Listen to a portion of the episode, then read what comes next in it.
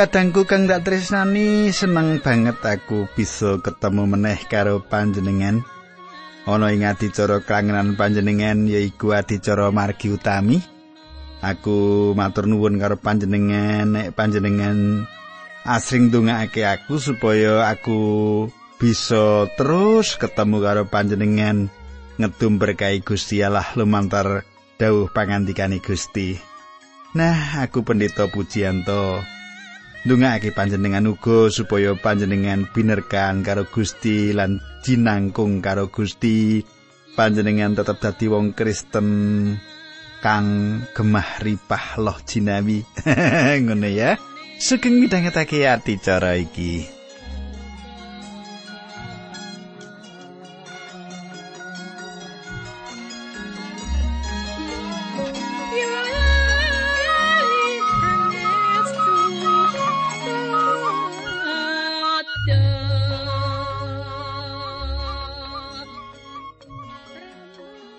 Sumitraku ing patemon kita kepungkur kita wis nyemak prabot pitu kang ditata kanthi becik ana ing kemah suci kang kawitan misbah tembogo kang gambarake bab salibe Sang Kristus. Lan ing kono kita nampa pangapuraning dosa prabot kang kapindho bab pawijian utawa padasan kang gambarake kita wis dikumbah lan disucikake dening Sang Kristus Prabot kang telu papan kudus, papan suci yaiku papan kanggo manembah. Prabot kaping 4 pedamaran emas kang gambarake Sang Kristus, prabot kalimo meja roti sesausan kang gambarake Sang Kristus minangka roti ning ngagesang.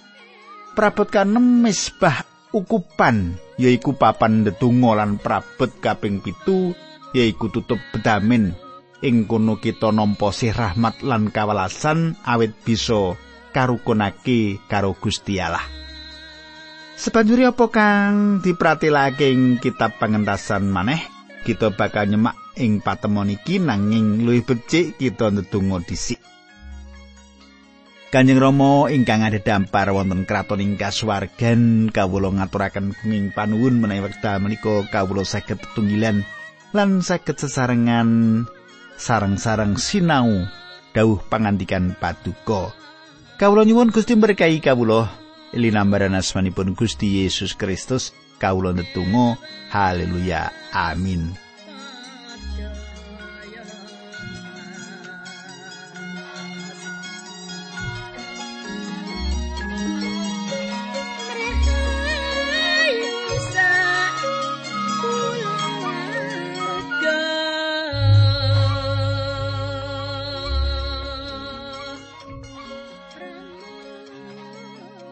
Sumitraku, ing patemon kita pasinon iki wis tekan kita pangentasan telung puluh wolu.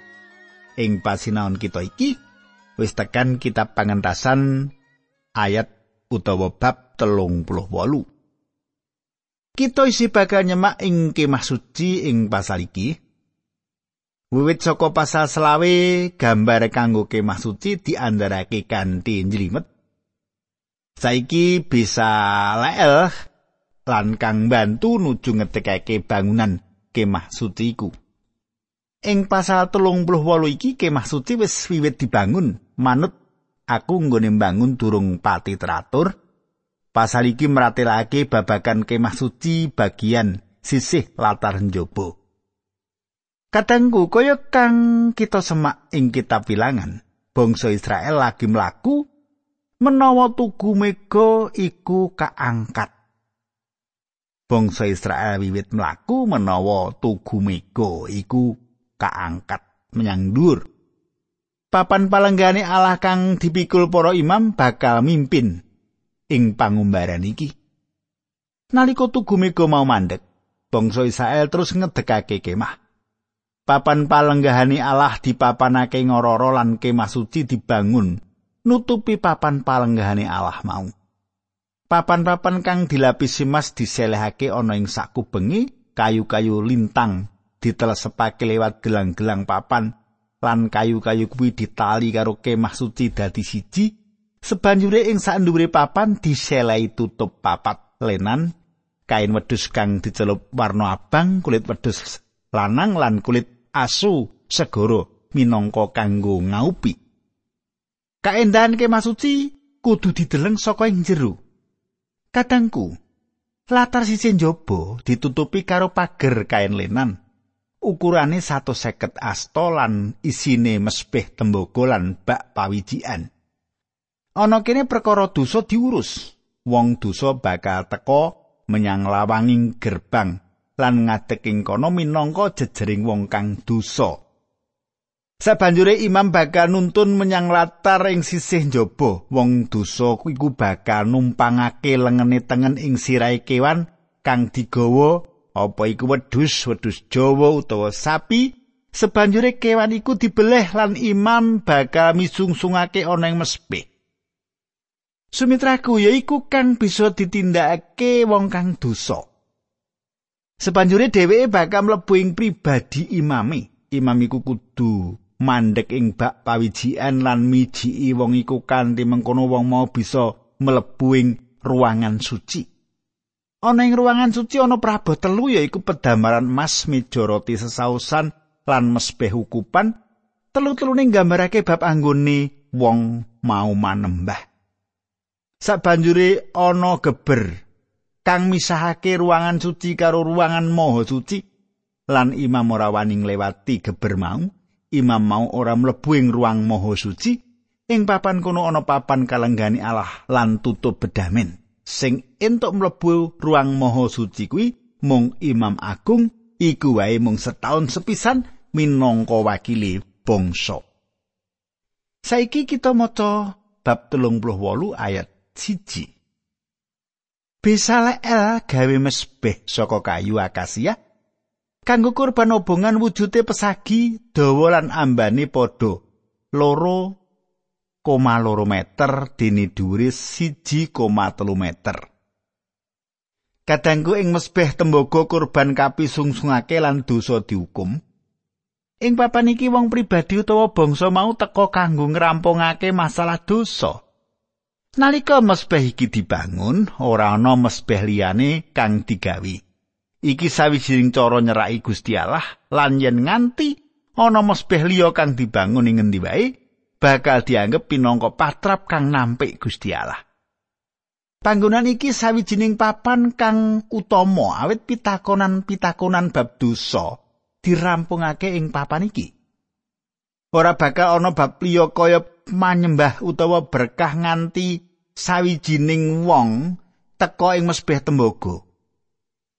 Sungu-sungu ing mesbeh nggambarake bab kekuatan lan panguasane Gusti Yesus Kristus enggone nyelametake akeh wulangan lan keterangan kang jlimet bab ngurus lan ngrawat mesbeh iki. Kudu ana goci, panggangan, kayu kang kanggo ngusung lan gelang-gelang lan sak panuwelani nanging perkara penting kang kudu dadi pengeling-eling yaiku sarana ngrampungake masalah dosa. Sarana ngrampungake masalah dosa. Bab 38 ayat 8 ing kitab pangentasan mangkene surasane Besaleel gawe padasan tembogo. Dini dasare ya tembogo asale saka pangilone para wong wadon sing padha ngladeni ing lawangi kemah palenggahaning Allah. Katangku. Pangilon-pangilon kang ditulis ana ing kene digawe saka tembaga kang gawe alus banget. Kaum wanita ora tau ana wawan yen ngrembug perkara pangilon iki. Kaum wanita mau nggawa pangilon-pangilon ing jaman iku uga bak pawijian utawa padasan digawe saka pangilon-pangilon iki. Pangilon iki nggambarake pangandikane Allah yaiku kitab suci kang nggambarake wong percaya mbutuhake kitab suci mau lan mbutuhake disucikake. Pawijian ana ing kono kanggo nyucikake. Kita uga duwe yaiku kamar mandi yen jaman saiki. Kita duwe pangilon lan ing sore kanggo wisuh. Misale wastafel. Pangilon ora ngresiki reget mengkono uga hukum Torat ora bisa nyelametake panjenengan. Panjenengan bisa wae nggosok pangilon mau sak senenge panjenengan. Nanging rereget iku tetep ana ing kono. Nanging ana sawijining sumber banyu kang kebak getih. kang mancar saka otote Sang Immanuel lan wong dosa kang jegur menyang ngisor ing ilining ketiku bakal ilang dosane. Ayat songo 10 lan 11 mengkini surasani.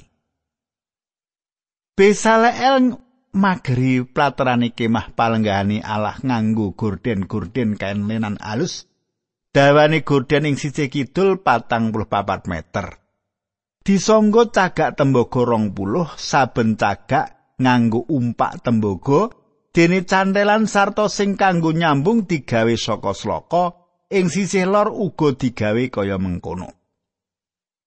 Kadangku, kain lenan kang dianam bolahe nggambarake bab kamanungsane Sang Kristus lan sakbenere misahake antarane manungsa karo Allah. Bakal ora ana tentem rahayu yen manungsa nganti pisah karo rae Sang Kristus. Pager kain lenan iku nggambarake kamanungsane Sang Kristus, nutup gegayutane manungsa karo Allah. Sugenge Sang Kristus ora nyelametake kita, malahan ngipati-pati kita. Mung sedane Sang Kristus wae kang nyelametake kita. pangandikane Gusti Allah lan mligine kemah suci kaya sawijining buku gambar. Menawa panjenengan mirsani ing gambar iku panjenengan bisa mangerti menawa urip lan wulangane Sang Kristus ora bisa nyelametake panjenengan. Panjenengan ora bisa nggayuh kaya sugenge Sang Kristus lan uga apa kang diwulangake kosok baline. Perkara-perkara kang ora mlebu akal wis diwulangake dening kaum liberal mataun-taun lan wulangan-wulangan iku kang andadekake kita ana ing sajroning kangilan nganti tekan saiki. Katengku, wis titimangsane ana wong kang benerake lan meratelake apa kang bener. Wulangane Sang Kristus ora bisa nyelametake panjenengan. Sedane Sang Kristus sing salib kang bisa nyelametake panjenengan. Yaiku sebab kena apa mesbeh tembaga iku ana ing kono. Pager kain lenan nutupi manungsa saka Allah lan Allah saka manungsa.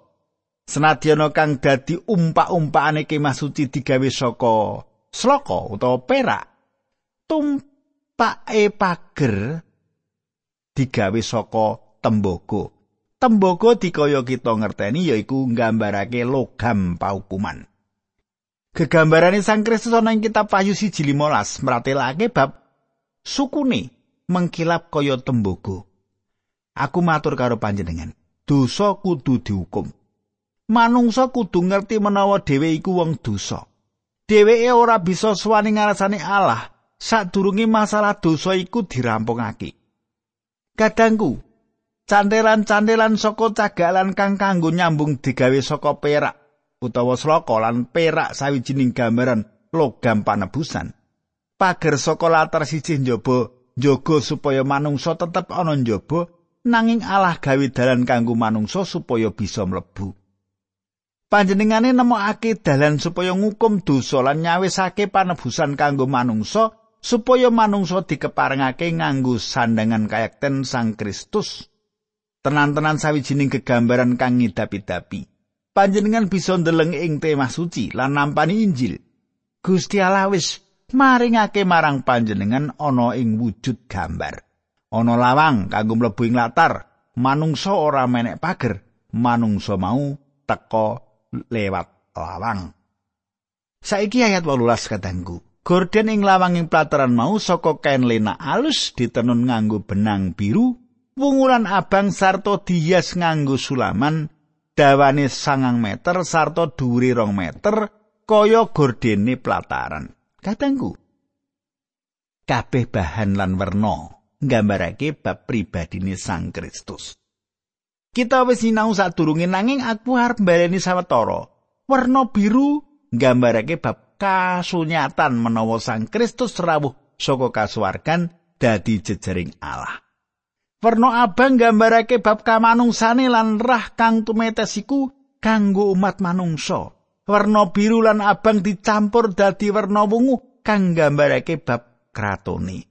panjenengane dilairake minangka ratuning wong Yahudi kadangku bali marang pirembugan kita mau lawang padha dure karo pager kang ana njaba dure kira-kira rong meter selawe lan ora bakal ana wong kang bisa ndelok manjero senadan wong mau dhuwur pisan.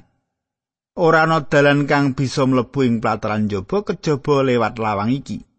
Lawang iki ombo cukup kanggo wong kang dosa sapa wae kang mlebu.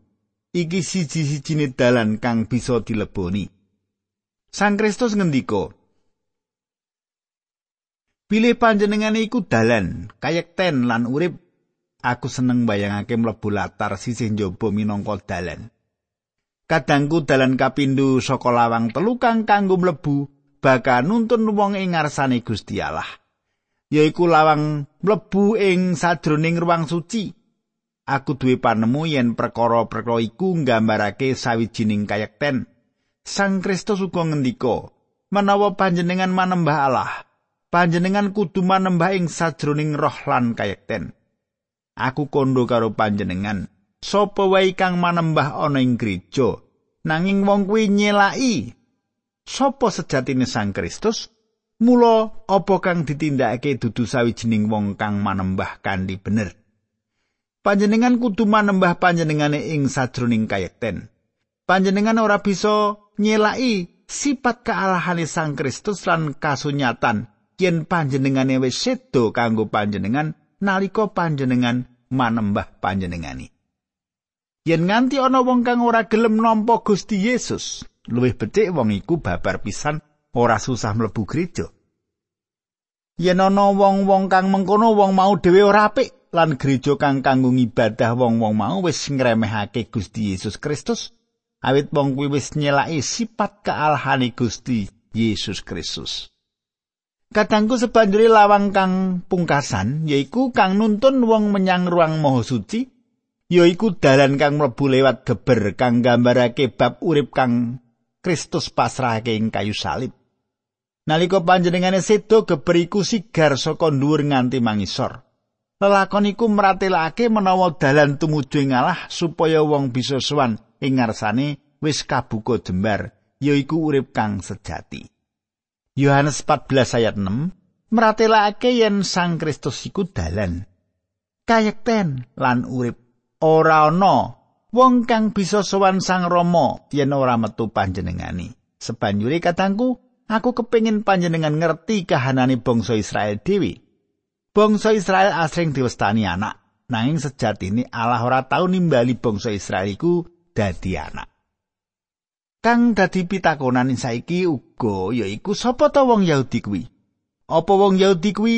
Wong kang dilairake minangka wong Yahudi utawa apa marga agamane kang dadi wong disebut Yahudi? Ing perjanjian lawas panjenengan kudu dilairake dadi wong Yahudi supaya disebut wong Yahudi lan Allah ya sawijining persyaratan yen saben wong kudu ditebus kang atake saben wong kudu nglakoni dilairake meneh. Bangsa Israel ya iku bangsa pilihan, nanging saben pribadi kudu ditebus. Saiki pangentasan 38 ayat selawe nganti 26. Sloka sing dipisungsungake miturut cacah jiwane bangsa Israel gunggunge ana 3430 kg ditimbang manut timbangan resmi. Kabeh mau padha karo sing dibayar dening wong-wong sing wis didaftar sadurunge. Saben wong kudu mbayar rega sing wis ditemtokake ditimbang manut timbangan resmi nalika diitung kabeh ana wong 603.550 yoki wong lanang sing wis umur 20 tahun munggah. Kadangku wong Yahudi nggawa perak utawa sloka awit iku diwestani sloka panebusan. Sloka iku perak ya. Saben wong Israel kudu ditebus supaya bisa ditampa. Kita wis ditebus dening Rai Sang Kristus kang larang kang luwih larang yen dibanding karo sloka lan emas. Saiki saben wong Israel durung slamet. Mung sisa saka bangsa iku kang wis slamet. Padha kaya warga gereja kang ora kabeh nampani keselamatan. Mung saperangan cilik saka warga gereja jaman saiki sing nampani keselamatan. aku tau ketemu wong kakung istri kang kondo yen sak suwene iki dhewe tansah gawe dolanan gereja. Kakung istri mau teko ana gereja nanging wong loro mau sejatine durung dilairake meneh.